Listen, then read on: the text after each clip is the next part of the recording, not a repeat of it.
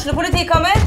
Ine Jansen er purk. Er du purk? The motherfucking bitch. Alt jeg vil, er å finne ut hva som skjedde med mannen min. Jon Carew. Er jeg sikta for noe? Iben Akeli. Det er du. Ole So, Lars Berrum og Big Daddy Karsten. Hvem sin side er du på, egentlig? Anette Hoff, Tone Danielsen, Kommer du fra Afrika? Jørnis Josef, Nesten. Kløfta. Trond Espen Seim, Det er synd å si det, men det var feil mann som døde. Purk. Premiere tirsdag på TV2 Play. Hei, takk for at du lytter til Søvnløs. Skulle du ønske at du kunne høre en ny episode av denne podkasten hver eneste uke? Vel, da er det bare å laste ned podkastappen Untold med en gang. I tillegg til ukentlige episoder av podkaster som Skrekkpodden, Truecrimepodden og Henrettelsespodden får du masse annet reklamefritt og eksklusivt innhold. Last ned Untold i AppStore eller Google Play, og start din 30 dagers prøveperiode i dag.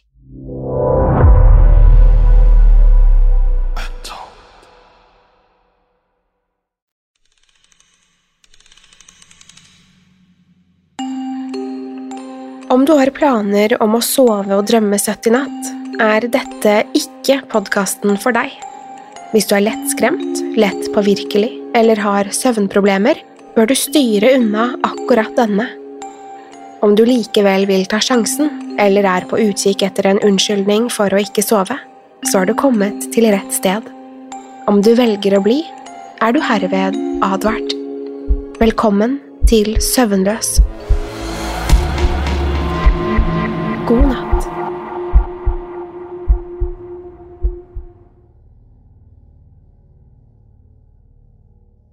Jeg har alltid vært en av dem som mener drømmer kun er hjernens måte å prosessere tanker og inntrykk. For meg var det bare et innblikk i underbevisstheten. Selv hadde jeg alltid slitt med å huske drømmene mine. I det øyeblikket jeg våknet, hadde jeg glemt alt som hadde skjedd. Jeg kunne ikke gjenfortalt det om det sto om livet.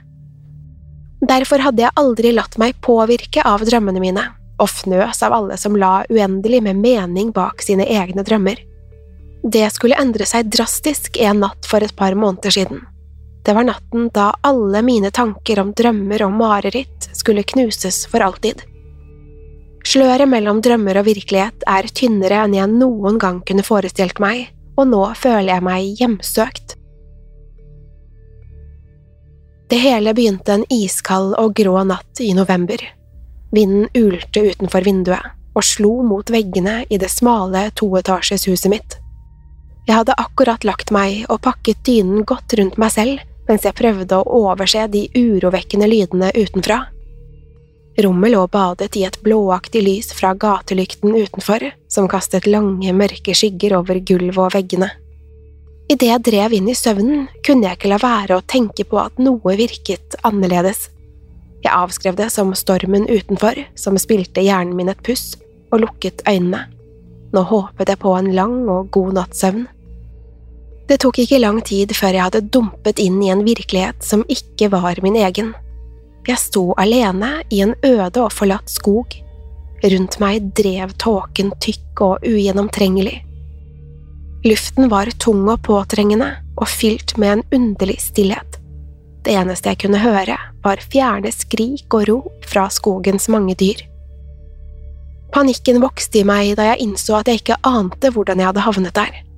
Hjertet mitt hamret og svetten piplet frem i pannen min. Jeg begynte å gå innover i mørket og følte meg frem mellom trærne. Armene mine ble skrapt opp mot barken mens jeg desperat forsøkte å finne en vei ut av marerittet. Skogen virket endeløs, og det var ikke tegn til sivilisasjon noe sted.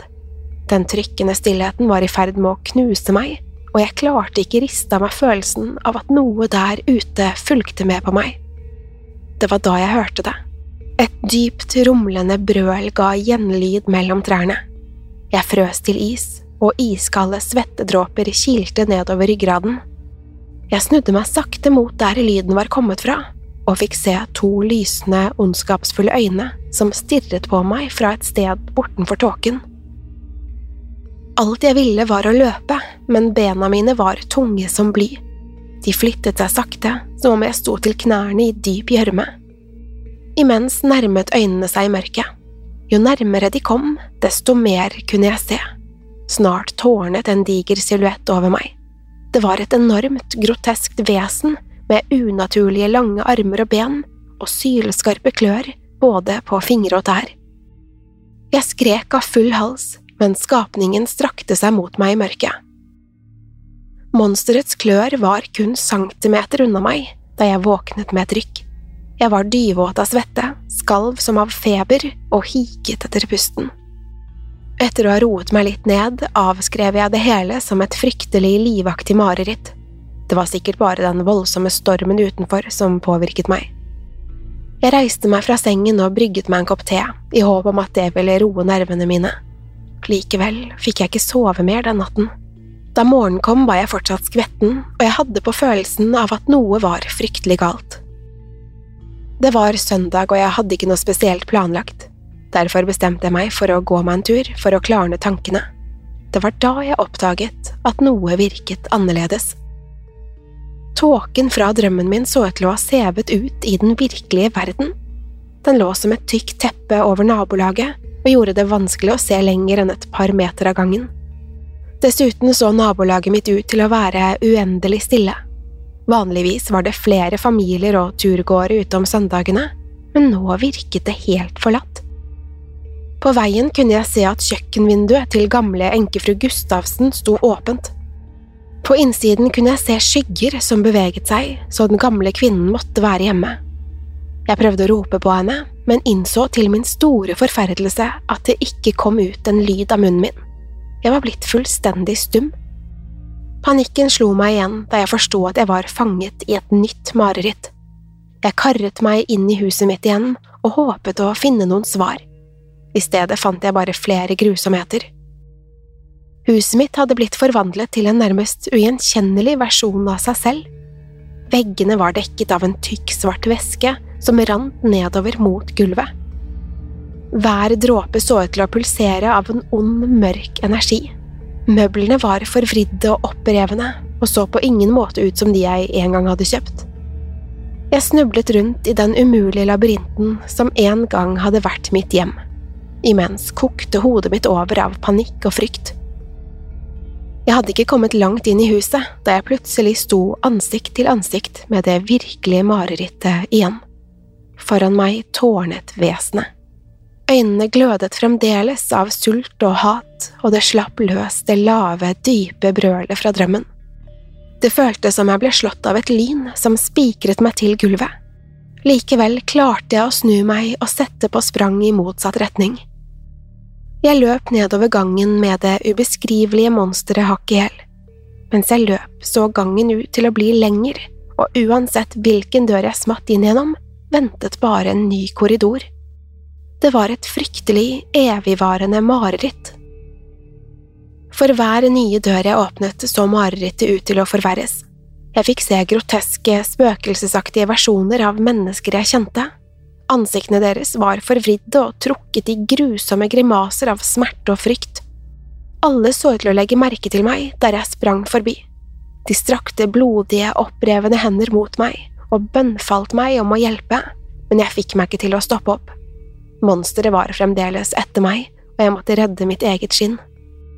Timer ble til dager og dagene til uker. Det var i alle fall det det føltes ut som. Jeg mistet all tidsaspekt i den grusomme marerittverden. Det var umulig å si om det jeg opplevde var en drøm eller virkelighet. I de små øyeblikkene skapningen lot meg være, turte jeg ikke å sove, selv om jeg var utmattet og trøtt. Frykten for at marerittene skulle bli enda verre, holdt meg fra det. Jeg var fanget i mitt eget sinn, og det var ingenting jeg kunne gjøre med det. Jeg var i ferd med å bli fullstendig gal, og håpet at jeg snart ville finne en måte å våkne fra marerittet på. Likevel gikk dagene uten et eneste tegn på befrielse. Marerittene fortsatte, og jeg ante ikke hvordan jeg skulle komme meg ut av det. Så, en dag, mens jeg snublet gjennom det tåkete, forvridde landskapet, fikk jeg øye på noe jeg ikke hadde sett før. Foran meg på en liten høyde lå en gammel, falleferdig bygning. Det kunne ligne et digert herskapshus. De fleste vinduene var knust, og veggene var dekket av mystiske symboler og tegn. Det var noe ved bygget som gjorde meg nysgjerrig, som om svarene på alle spørsmålene mine var å finne innenfor de morkne veggene. Jeg nærmet meg forsiktig og åpnet døren til herskapshuset. Hjertet hamret i brystet mitt. Inne ble jeg møtt av flere mørke, uendelige korridorer i alle retninger. Selv om noe i meg skrek at jeg burde komme meg ut, var det noe annet som fikk meg til å fortsette. Det desperate håpet om at det fantes svar, dro meg videre innover i huset. Jeg gikk til jeg nådde de dypeste og mørkeste delene av huset. Der snublet jeg over et rom som var mørkere enn alle de andre.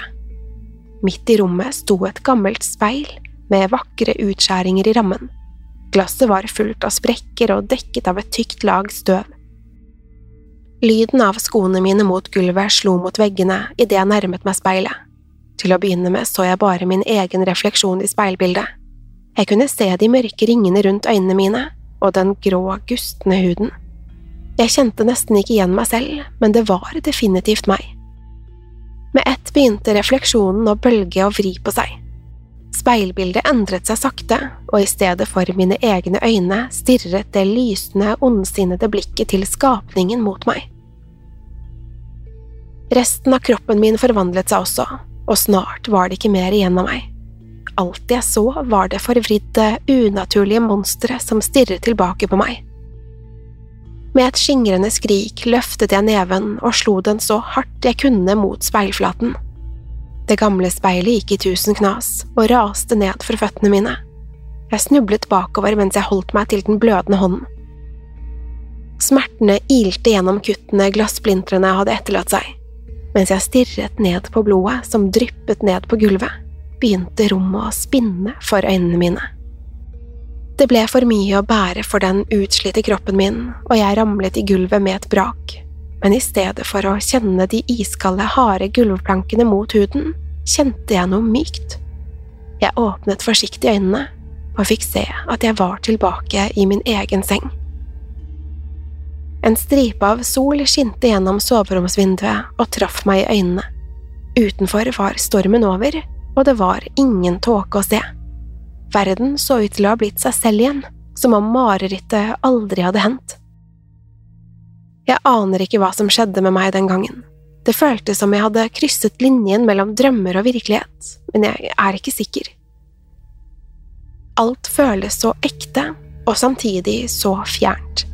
Det eneste jeg kan si, er at noe definitivt må ha skjedd. For hånden min verker fremdeles, fra da jeg knuste speilet som holdt meg fanget i marerittet.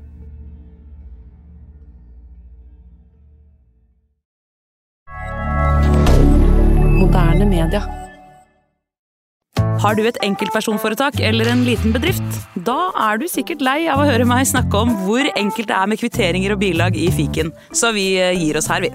Fordi vi liker enkelt. Fiken superenkelt regnskap.